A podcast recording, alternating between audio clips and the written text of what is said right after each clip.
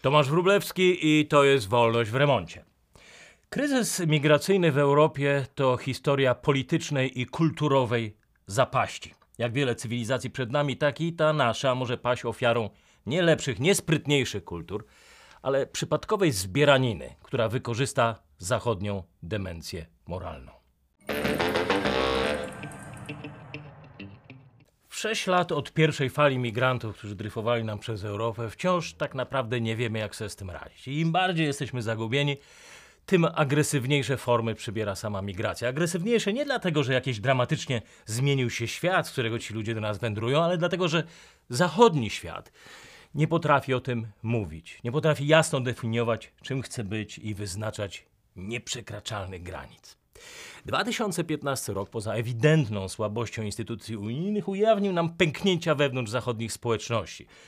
Dawno już utraciły jasność co do własnych drogowskazów moralnych i paradygmatów, których każdy migrant, drifter lądujący na brzegach Europy powinien być świadom i, i powinien wiedzieć, jakich granic nie może przekraczać. Ponieważ sami nie potrafimy czy wstydzimy się nazywać te granice, to tym bardziej migranci nie wiedzą i nie widzą potrzeby stosowania się do czegoś, co nawet jeżeli kojarzymy z zachodnią cywilizacją, to nie afiszujemy się z tym. Z codziennej narracji, oglądając tylko zachodnie telewizję, słuchając radia, czytając gazety, nie sposób jest wyłapać, co jest dla nas ważne. Jakie mamy świętości. Granice państw można, można uszczelnić, można wnosić mury, ulepszać instytucje i to można zrobić dość szybko, pod jednym warunkiem, że my, my sami potrafimy się zgodzić co do tej nowej architektury. Potrafimy zdefiniować model naszej nowej cywilizacji. Kogo tutaj chcemy u siebie, kogo nie chcemy i co my sami mamy ze sobą wspólnego. Nie tylko, że przez 6 lat nie odrobiliśmy tej lekcji, to nie umiemy nawet o tym rozmawiać. Owszem, mamy zasieki, ale nie mamy filozofii, która by je przytwierdzała mocno do ziemi. A jak świat światem, od Imperium Rzymskiego po Amerykę polityka migracyjna zawsze była wypadkową wartości i celów, jakie sobie narody stawiają, a nie miarą wrażliwości społecznej, czy, czy na przykład tego, że akurat Rzym albo Waszyngton znalazł się na szlaku przelotowym dryfujących ludów. Zanik wartości, które niegdyś tworzyły zachodnią cywilizację, jasno definiowały, co to znaczy być Francuzem, Anglikiem czy Włochem, wyznaczał też warunki osiedlania się w tych państwach. Finlandia, Grecja, Polska, poniekąd Austria wprowadzają teraz rygory na swoich granicach, ale nawet my, asekurancko, nie definiujemy, nie tłumaczymy swoim obywatelom, dlaczego tak naprawdę bronimy swoich granic. Oczywiście politycy wywołani do odpowiedzi tłumaczą regulacje, przepisy, międzynarodowe pakty, ale w żadnym wypadku nie mówią o interesie narodowym. Nie potrafimy jasno powiedzieć, Dlaczego w obliczu wojny hybrydowej przekładamy interes narodowy nad wyrazami współczucia czy zatroskania losem zziębniętych? Stajemy się zakładnikami jego płaczliwego, niefrasobliwego, publicznego sentymentalizmu. Amerykański profesor, filozof Alan Bloom w doskonałej książce Umysł zamknięty tłumaczył ten rozdźwięk naturalną potrzebą elit do cementowania swoich przywilejów i wpływów za pomocą emocjonalnych markerów. Taka klasa czująca bardziej, klasa wyższa, charakteryzująca się również wyższymi uczuciami. Uważa, że jest wyzwolona z pospolitych strachów, z fobii i wyzwolona z narodowych sentymentów. Stać ją na gest wspaniałomyślności. Gest, który zwykle w postaci się przejawia redystrybucji publicznych pieniędzy, a wspaniałość skierowana do możliwie abstrakcyjnych, bezosobowych, niewidocznych postaci, gdzieś zbłąkanych na Morzu Jońskim czy zaginionych w lasach Białorusi. Im bardziej są odlegli z całą tą swoją fizycznością, nieznajomością języków, trudną powierzchownością i niedopowiedzeniami na temat rzeczy, których się dopuścili dryfując po Europie, tym wyraziszcza staje się wspaniałą myślność elit. Elit, które dla odmiany okazują się zaskakująco surowe i pogardliwe w ocenach tych, którzy są tuż pod ich bokiem współobywateli. Nasze obawy, strach przed zagrożeniami, przed doświadczeniami z innych zachodnich państw szybko elity nazywają prostackimi, niegodnymi XXI wieku. Im większe pokłady uczuć potrafią z siebie wyzwolić dla ludzi, z którymi nie mają nic wspólnego, nic ich nie łączy, tym bardziej czują się wyzwoleni od kraju swojego pochodzenia. Im bardziej potrafią oderwać się od pospolitych problemów ludzi z nizin, tym silniej demonstrują, jak sami wysoko, wysoko zaszli. Tak, tak, cierpienie za imigrantów i pogarda dla współobywateli są dla nich aspiracyjne. W ten sposób przechodzą do wyższej klasy. Współczucie dla imigrantów cierpiących gdzieś w odległej Syrii jest wyższym uczuciem od współczucia dla mieszkańców rozjeżdżanych szwedzkich miasteczek czy, czy niemieckich dziewcząt napadanych w środku miasta. I to były te europejskie doświadczenia 2015 roku. Teraz płynnie zostały przetransformowane na nasze rodzime elity, na zmarzniętych Kurdów czy Somalijczyków z Białorusi.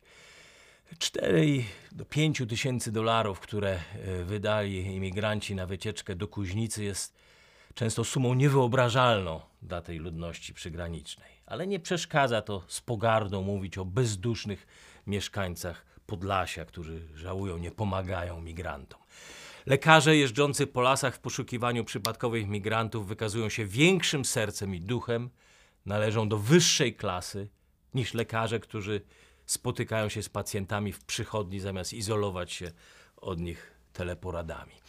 Płacz aktorki przed kamerami, wstrząśniętej opowieściami o nastolatkach z Bliskiego Wschodu, których nawet nie widziała, ale o nich słyszała i jest im zimno i ciemny las, przepełnia ją bólem. Jest właśnie dla niej aspiracyjny. Świadczy o przynależności do lepszej kasty. Im bardziej do tej wyższej kasty nie należy, tym bardziej manifestuje swoje cierpienie za ludzi, których nie zna i gardzi tymi z sąsiedztwa. Imigranci generalnie są bardzo ważni dla progresywnej opowieści, która jest zakorzeniona w lewicowej krucjacie przeciwko narodowym sentymentom, e, w przekonaniu elit opowiadającym za całe zło tego świata.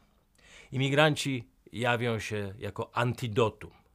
Otwartość na ludność napływową ma być swoistym testem cywilizacyjnym, dowodem odnarodowienia i przejścia do tego wyższego stadium rozwoju społecznego.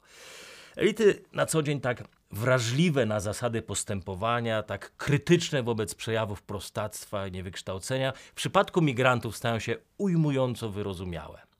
Brutalne, agresywne zachowania urągające wszystkim normom społecznym niespodziewanie stają się zrozumiałe. Wpisują się w paradoks tak zwany paradoks nieograniczonej liberalnej tolerancji. Tak ją nazwał amerykański neokonserwatysta Leo Strauss.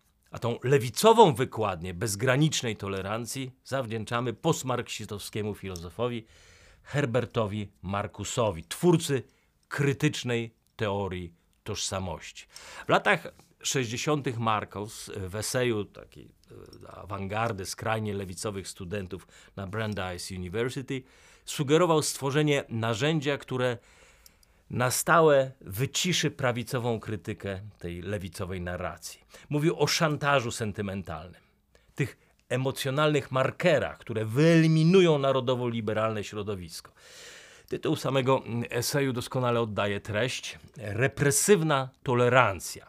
W tekście autor posługuje się terminem wyzwalająca tolerancja, co w praktyce miało oznaczać odebranie tolerancji, odebranie prawa do wypowiedzi i zgromadzeń obrońcom prawicowych idei, natomiast poszerzenie ram tolerancji wszystkim burzycielom konserwatywnych zasad współżycia, samozwańczym rewolucjonistom, migrantom i wszystkim kontrkulturowym środowiskom, przyznanie prawa do działania. Ich agresja i destruktywizm, jak twierdził Markus, były uzasadnione, były pochodną wieloletnich prześladowań i dyskryminacji funkcja i wartość tolerancji miały zależeć od równości panującej w społeczeństwie, w którym właśnie praktykuje się tą tolerancję. Innymi słowy, słowy, brak równości pozwala racjonalizować zachowania, takie jak choćby w Malmo czy w Kuźnicy, w Szwecji, gdzie dzieci od czwartego roku życia uczą się, jak postępować w razie strzelaniny. Przemoc, gwałty, antybiałość, dewastację świątyń, wszystko można tłumaczyć walką z dyskryminacją i niesprawiedliwością społeczną, nazywając ją naturalnym odreagowaniem narodowych uprzedzeń. Tolerancja dla nietolerancji. Leo Strauss w prawie naturalnym zauważa, że powstała kuriozalna sprzeczność między szacunkiem dla różnorodności czy indywidualności, a uznaniem prawa naturalnego. Kiedy liberałowie byli już zniecierpliwieni ograniczeniami różnorodności czy indywidualności wynikającymi z zapisów prawa naturalnego, takiego prawa jak nie krzywdź, nie pozwól krzywdzić innym, innych i siebie. Musieli dokonać wyboru. Musieli się zdecydować, czy chcą być za prawem naturalnym, czy nieskrępowaną kultywacją indywidualizmu. I jak zauważa Douglas Murray w, w książce o neokonserwatyzmie, innymi słowy pisał, nietolerancja jawiła się jako wartość równa w godności tolerancji.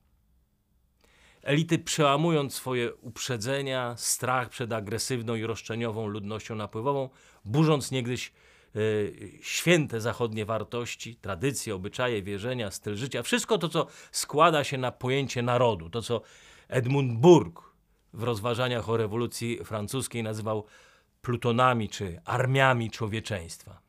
Elity dowodzą, że w ten sposób pozbyły się prymitywnych narodowych instynktów. Jesteśmy lepszą kastą. To jest ten wyższy etap neomarksistowskiej świadomości. Joram Hazoni, często przeze mnie przywoływany izraelski filozof w książce Cnota nacjonalizmu, w genialnym wywodzie o rodowodzie nacjonalizmu, kolebce demokracji, na dobrą sprawę jedynym autentycznym gwarantem demokracji, przypomina całą powojenną historię antynarodowej manipulacji. Mówiłem o tym we wcześniejszych podcastach, wspominałem również, jak y, silnie udało się tą teorię ucieleśnić z Unią Europejską. Z jednej strony jej mitem, jakoby pokojowy rozwój Europy możliwy był tylko dzięki ustawicznemu zduszaniu w nas narodowych sentymentów, zmiennie używanych tutaj czasem jako faszyzm, a z drugiej strony racjonalizujący tak zwany demokratyczny centralizm, centralizm Unii Europejskiej, ponadnarodowy i ponaddemokratyczny sposób wyłaniania władz jako element konieczny dla obrony europejskiego uniwersalizmu przed populistycznymi, narodowymi zagrożeniami wmontowanymi w demokrację. W niezliczonych wywodach zadano tej argumentacji kłam. To wspomniany już Hazoni, nieodżałowany, nieodżałowany Roger Scruton o tym pisał, Douglas Murray, czy wcześniej Czesław Miłosz w zniewolonym umyśle, dając świadectwo nie tylko destrukcji sowieckiego socjalizmu, ale również autodestrukcji zachodniej liberalnej lewicy. Obszerna, obszerna literatura pokazująca, jak ułomna, utopijna i fałszywa jest antynarodowa narracja progresywna. Pierwszy fałsz tej narracji tak naprawdę zadał Thomas Hobbes w Lewiatanie. Dzieło pisane jeszcze w czasach, w latach wojny domowej w Anglii w 1640 roku, gdzie strach o wspólnotę pojawia się jako jeden z fundamentalnych, naturalnych odruchów, motywujących nas do współdziałania, koordynowania i wypracowywania kompromisów. A te, jak zauważy Potter Turcin, współczesny już historyk dziejów w książce, która zresztą wkrótce ukaże się w języku polskim wydawnictwa e, Wej, książka Wojna i pokój i wojna, te są kluczem do zrozumienia postępu naszej cywilizacji i narodzin najpotężniejszych imperium. Współpraca i koordynacja działań. To jest też nasza opowieść o największych rodach, rodach Radziwiłłów, Paców, Sobańskich, Narbutów, z tym litewskim czy ruskim, jak to się nazywało, rodowodem, których spolszczenie było świadectwem aspiracyjności i atrakcyjności polskiej kultury i siły tej kultury, tego co Burg właśnie nazywał włóknami cywilizacji. Wiem, że to są odległe paralele, ale każą zadać nam pytanie, czy my dziś, tu, mamy zauroczyć migrantów dobijających do naszych brzegów tych przypadkowych drysfterów z odległych kulturowo części świata. Oczywiście to pierwsze, co ich ściąga do Europy, to nadzieja na lepsze, bogatsze życie. Pytanie tylko, czym ma dla nich być to nowe państwo? Czy cała opowieść o integracji, asymilacji, tym jednym, wspaniałym, ponadnarodowym społeczeństwem sprowadza się tylko do kwestii materialnej?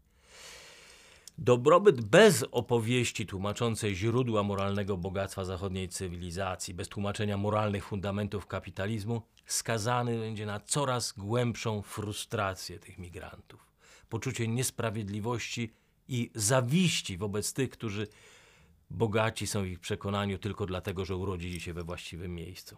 Douglas Murray w książce Neokonserwatyzm, e, dlaczego go potrzebujemy, zwraca uwagę, że wraz z rozmontowaniem fundamentów, na jakich zbudowana została nasza cywilizacja, czyli wiara, tradycja, rodzina, naród, w zasadzie trudno znaleźć powód, dla którego jednostka lub grupa emigrantów miałaby się tutaj czuć jakikolwiek związek z nowym krajem.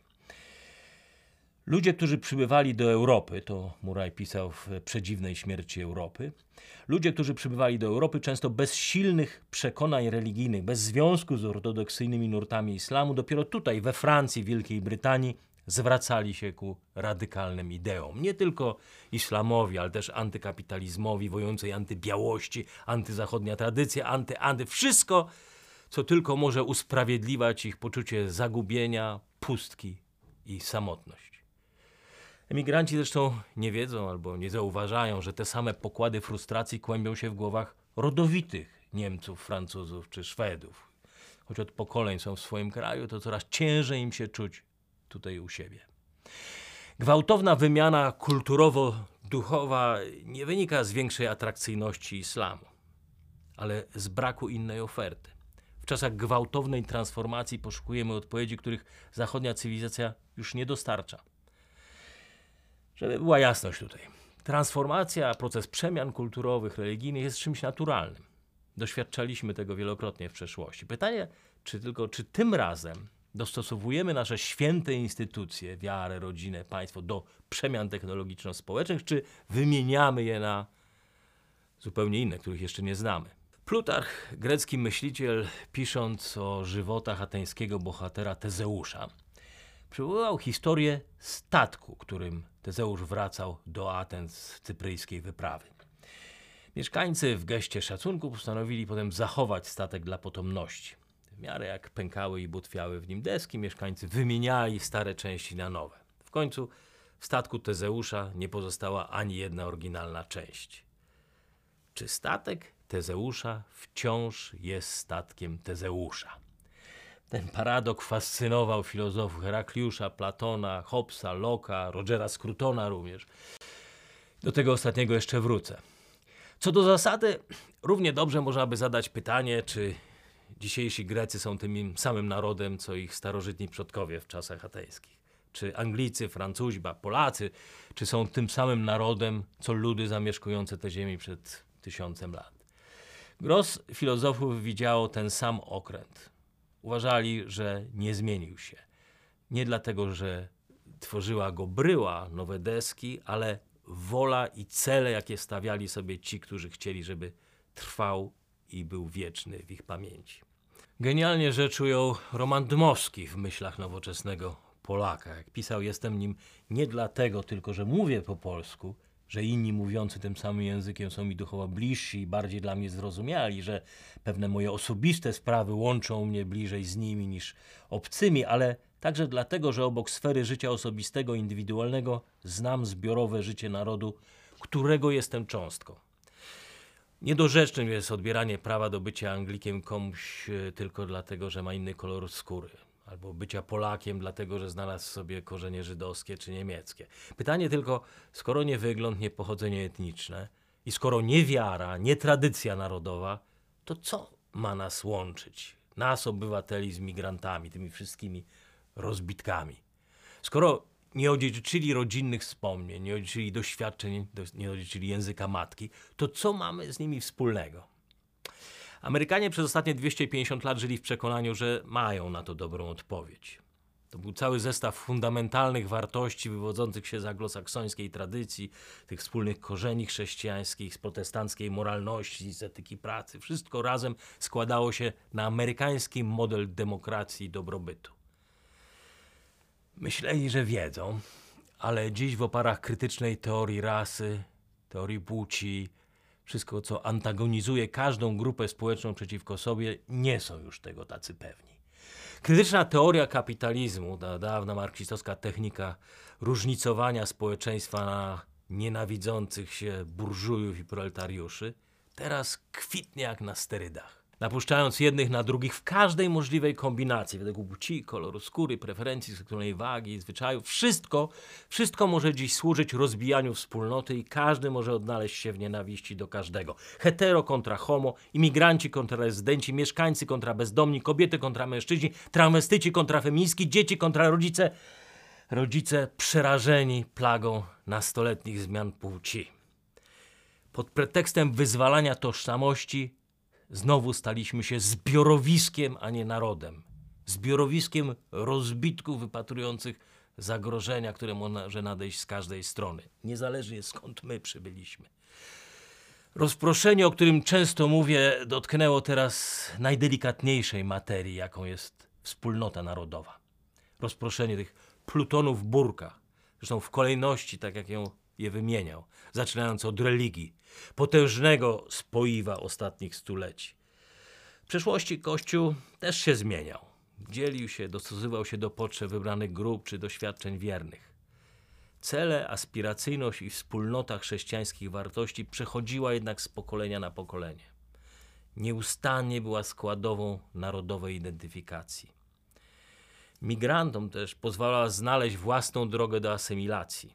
Pokazywała te granice i możliwości. I nagle podziały, które dopiero co wydawały nam się już dawno zamkniętym rozdziałem, powracają do nas jak mara senna. Czarni mieszkańcy Ameryki odwołują się nie tylko do krzywd epoki niewolniczych.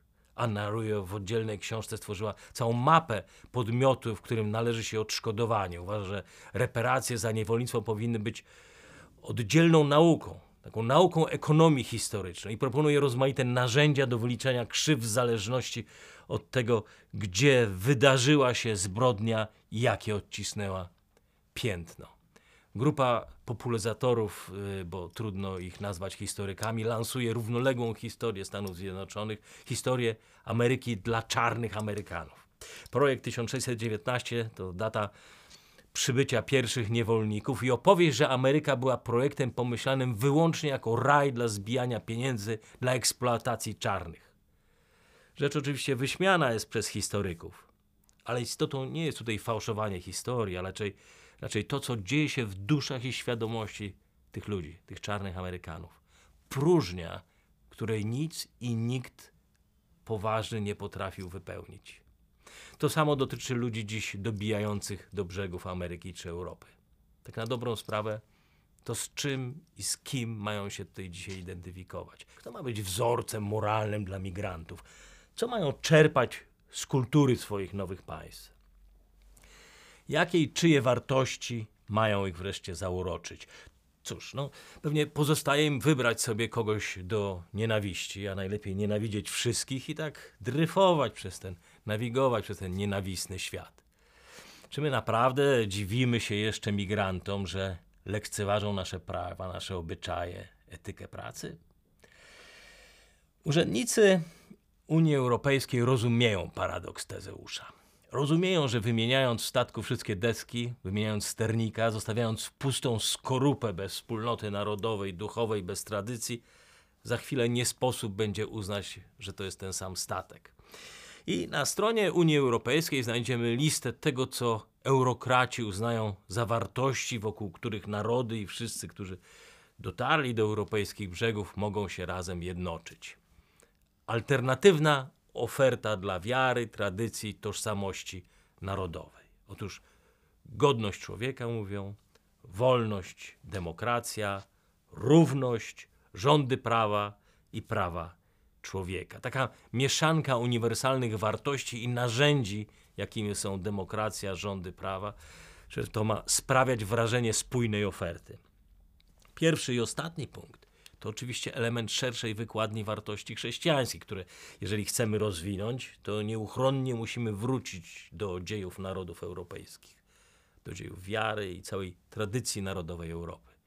I tak zataczamy błędne koło i z powrotem wpadamy w mętnie pustych słów, nic nieznaczących sloganów i wcale niczego razem nie integrujemy.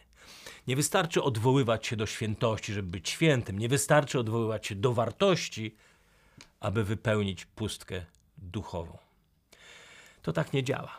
Zamiast integracji mamy dezintegrację. Dowolne zachodnie miasto podzielone, poszatkowane na nienawidzące się etniczne enklawy. Mamy różne wrażliwości, różnie patrzymy na płonące obozy w Calais, na namioty rozbite na placach i parkach europejskich miast. Różnie też interpretujemy szturmujący tłum w okolicach Kuźnicy, ale właściwie nikt z nas nie wyobraża, że to może być koniec świata, jaki znaliśmy. I myślę, że te 1600 lat temu nikt z rzymskich patrycjuszy też nie myślał, nie przychodziło mu do głowy, że ta bezładna masa dryfująca po ziemiach cesarstwa może, może zagrozić ich cywilizacji, że po 800 latach panowania nad światem do stolicy cesarstwa od tak po prostu wejdą wojownicy Alaryka. Mało kto doszukuje się analogii z obrazami płonącego Rzymu 410 roku i oczywiście ja też, jak zwykle przy historycznych porównaniach, biorę poprawkę na upływające epoki i stulecia, ale obraz układających się odprysków tamtej epoki powinien nam trafić do przekonania. Rzym bowiem nie ujął się pod potęgą Wizygotów. Rzym padł ofiarą własnych, moralizujących możnych, którzy w chwili próby uciekli z miasta. Rzymskiej cywilizacji nie wyparła jakaś wyższa mądrzejsza kultura, ale barbarzyńcy, którzy przyszli po prostu rabować. Miasto, owszem, stanęło w ogniu, dochodziło do gwałtów, rabunków, klasyka epoki, ale najeźdźcy robili przy tym wszystko, żeby samo miasto przetrwało, żeby domy przetrwały, żeby mieszkańcy mogli tam jak najszybciej wrócić, żeby państwo ze swoimi instytucjami trwało. Oczywiście sam fakt, że 30 tysięcy Wizygotów rzuciło ówczesną stolicę świata na kolana, był szokujący dla żyjących, ale czy szokiem nie były ekscesy sylwestrowe w Hamburgu, gwałty w Sztokholmie? To też nie był wyraz siły wroga czy doskonałej organizacji dryfterów, ale słabości państwa, które, które nawet nie wiedziało, jak się bronić. Policji, której nie wolno było profilować i izolować podejrzanych osobników. Wizygoci wtargnęli nie po to, żeby przejąć cesarstwo, ale żeby żądać żywności, żądać stanowisk, etatów w cesarskiej armii i gwarancji stałych dotacji. Święty Augustyn, który jako biskup Hipony organizował pomoc ofiarom najazdu, w wielu swoich pismach wracał potem do upadku Rzymu i poświęcił mu też jedno znakomite kazanie o zniszczeniu miasta Rzym. To miasto, pisał, zostało karzącą ręką Boga raczej skarcone niż zgubione. Jakby sługa, który znając wolę swego Pana i czyniąc rzeczy godne kary, otrzymuje wielką chłostę. Okropieństwa sierpniowego najazdu 410 roku miały jedynie przypominać Rzymianom, że dla najeźdźców są zaledwie krową dojną. Rzym nie niósł już dla nich żadnych wartości moralnych czy kulturowych. Imperium Rzymskie rozciągało się na powierzchni 600 milionów hektarów. Unia Europejska to jakieś 400, 442 miliony hektarów. Cesarstwo opasane było przemyślnymi traktami, naszpikowane strażnicami, zajazdami, które przypominały dzisiejsze centra handlowo-usługowe. Obok znajdowały się biura urzędników. Między straganami kręcili się informatorzy, którzy pełnili rolę lokalnych oddziałów informacji rządowej. Kiedy barbarzyńcy wtargnęli do miasta, wszystko zdawało się działać i dziać w najlepszym porządku. Trochę jak w sierpniu 2015 roku, kiedy pierwsza fala migrantów ruszyła na Europę. Były urzędy do spraw uchodźców, były dyrektywy. Wiara, że sprawne instytucje nas ocalą, zdaje się być równie, równie naiwna co te 1600 lat temu. Niezdolność Rzymu do asymilacji, do wchłonięcia Wizygotów, to co udawało się wcześniej, właściwie od czasów Etrusków, doprowadziła do katastrofy. Niegdyś bezbronne i zdane na Rzymian bezładne masy dryfterów z czasem po prostu wzięły sobie Rzym. Nie miejmy złudzeń. Łepomigracja, agresja migracyjna, wszystko co to dzieje się na granicy z Białorusią nie jest wypadkiem. Jest akumulacją narastających procesów. Oczywiście pamiętamy o diabolicznych talentach Łukaszenki i Putina, ale eskalacja kryzysu migracyjnego była możliwa dzięki wcześniejszej niemocy Europy. Mimo licznych nowych dyrektyw, nowych instytucji, jak choćby Frontex, nie wypracowaliśmy konceptu jakiegoś koherentnego sposobu myślenia w ogóle o migracji. Tak jak cesarstwo, nie potrafimy znaleźć w sobie siły moralnej, żeby bronić swoich racji narodowych racji, których nawet nie potrafimy już nazwać, boimy się o nich mówić. Jak zauważył Leo Strauss w klasycznej książce myśli neokonserwatywnej Narodziny klasycznego politycznego racjonalizmu, e, nie potrafimy już wyznaczyć linii na piasku, kategorycznie postawić na pierwszym miejscu narodowych interesów, bo uważamy to za coś niewłaściwego, niecywilizowanego. Nie możemy nawet nazwać głośno powodu, dla którego nie należy wpuszczać nieograniczonej, wrogo do nas nastawionej masy migrantów. Opowieść o upadku Rzymu to opowieść o pysze elit przekonanych o wyższości kulturowej, a jednocześnie negujących krytyczne, najważniejsze wartości republikańskie, na jakich kultura Rzymu została oparta. Degeneracja moralnych włókien, z których zszyta była wielka cywilizacja, spowodowała, że w chwili wielkiej próby Rzym ugiął się przed czymś, czym zawsze gardził. To też opowieść o tym, jak wielkoduszność, hojność dla barbarzyńców i otwartość kulturowa, kiedyś będąca wyrazem siły i cywilizacyjnej mądrości, stała się żałosną bezsilnością, abdykacją wobec żądań barbarzyńców. Na długo przed upadkiem Imperium Rzymskie było takim żywym przykładem najdłuższego w historii eksperymentu multikulti, gdzie mieszały się rasy, obyczaje, języki, maniery. Amerykańskie czy brytyjskie doświadczenia wielokulturowe przy starożytnym Rzymie to jak żłobek przy uniwersytecie. Rzym do perfekcji doprowadził technikę asymilacji obcych nacji, zarówno tych podbitych, jak i tych, które wchłaniał pokojowo.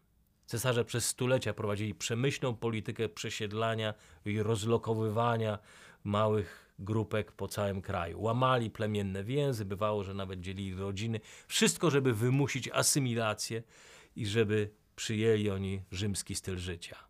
Można im oczywiście zarzucać bezduszność i przemoc, ale nie brak determinacji i troski o własny naród. Ci, którzy osiedlali się tutaj dobrowolnie, tak jak niegdyś imigranci w Stanach Zjednoczonych, Niemczech czy Francji, starali się jak najszybciej wtopić w tkankę społeczną imperium, licząc, że dopracują się rzymskiego obywatelstwa. W starożytnym Rzymie droga do obywatelstwa nie prowadziła oczywiście przez kręte kolejki do biur imigracyjnych, niezliczone formularze, testy językowe, ale, ale żeby zostać Rzymianinem, trzeba było mówić, myśleć i czuć jak Rzymianin. Jak droga do amerykańskiego, francuskiego czy brytyjskiego obywatelstwa kiedyś prowadziła przez małżeństwo, czasem przez służbę wojskową. Chodziło o to, żeby wtopić się w społeczeństwo. Dopiero z czasem proces zaczął się rozmywać, korumpować, rozkwit handel obywatelstwami. I to był początek końca, bo w zamyśle twórców rzecz nie polegała na zdobyciu statusu obywatela, ale status polegał na zaszczepianiu wartości wartości rzymskiej, amerykańskiej czy francuskiej duszy, w kimś, kto, dla kogo obywatelstwo stawało się istotą bytu, istotą myślenia. Rozmontowanie systemu, tak jak dziś i przed setkami lat, było częścią świadomej polityki panujących. Rzymscy władcy starali się pozyskać czy naturalizować jak najwięcej imigrantów, żeby poszerzyć bazę podatkową i lojalnych wyborców, i w tym celu musieli rozwadniać system zabezpieczeń migracyjnych. Amerykańscy demokraci liberalizowali prawo migracyjne ogłaszali amnestię, na przykład licząc na głosy nowo przybyłych. W 1965 prezydent Johnson zniósł kwoty narodowe, które preferowały migrantów e, bliskiej kulturowo Europy. Wielkoduszny gest. Raz, że jednak zniweczył dotychczasowy anglosaksoński, protestancki paradygmat narodowy, a dwa, że zniósł przy okazji rejonizację, zasadę równomiernego rozsiewania przybyszów po Ameryce i spowodował, że miasta południowej Kalifornii, Arizony czy Teksasu bardziej przypominają teraz Meksyk niż, niż Amerykę Północną. W przypadku Francji y, poczucie wspólnoty narodowo-kulturowej zostało zachwiane w 1996 roku wraz ze zniesieniem obowiązku służby wojskowej. Dla dzieci uchodźców przez blisko 100 lat armia była nie tylko drogą awansu, ale też pozwalała zaszczepiać patriotyzm, budować więzi narodowe z Francuzami i także z innymi rasami i nacjami. Była spoiwem narodowo-twórczym. Dziś samym Francuzom ciężko jest powiedzieć, kogo mają na myśli, kiedy mówimy Francuz. Bo ani język, ani tożsamość narodowa, ani wiara nie mogą tutaj już być wyznacznikiem. Każde z tych rozporządzeń było reklamowane oczywiście jako gest wspaniałomyślności. Nie inaczej było, gdy cesarz Flavius Valens w 375 roku zezwolił Gotom uciekającym przed najazdem Hunów na przekroczenie Dunaju i swobodne osiedlanie się na terenach dzisiejszej Rumunii. Tak jak Merkel w 2015 roku mówiła o rękach do pracy, tak Valens mówił o nowych wojownikach. Pożytek z jednych i z drugich był podobny. Goci obrócili się przeciwko swoim wybawicielom. Nie dlatego, że jedni czy drudzy byli jakoś szczególnie źli i niewdzięczni, ale dlatego, że jałmużna i gadanie o tolerancji dla nikogo nie jest zachętą do asymilacji. Tworzy co najwyżej syndrom zależności rodzi agresję. Już wtedy 250 tysięcy uzbrojonych gotów wkroczyło na teren imperium. 250 tysięcy sfrustrowanych ludzi umieszczono w obozach, które jak Calais stało się wylęgarnią ekstremizmu, przemocy, demoralizacji. Co zrobił wtedy Valens? To samo co Paryż. Obiecał poprawić im warunki bytowe.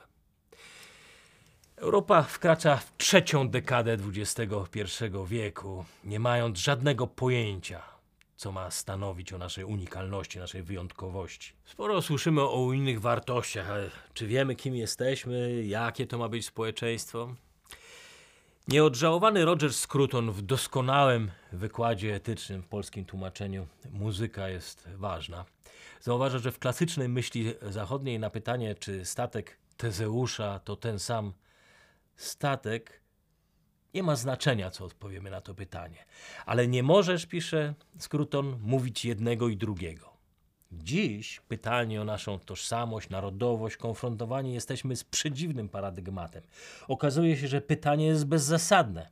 Odpowiedź zależy od tego, kto zadaje pytanie, a nie tego, kto odpowiada. Odpowiedź zawsze może być odwrócona przeciwko nam. I Jak pisze Scruton, lepiej dziś w ogóle na to nie odpowiadać, bo tylko pogłębiamy dezorientację. A statek? Statek remontowany i hołubiony w rzeczywistości nam butwieje. Zapraszam już za tydzień na kolejny odcinek Wolności w Remoncie na kanale Warsaw Enterprise Institute na YouTube oraz na Spotify i w podcastach iTunes. A, i wydaliśmy książkę Kolebka polskiej motoryzacji. Dla mnie ważna osobiście. To jest książka, którą pisał mój ojciec, nazywa Krzysztof Wróblewski. Znaleźliśmy ją na strychu.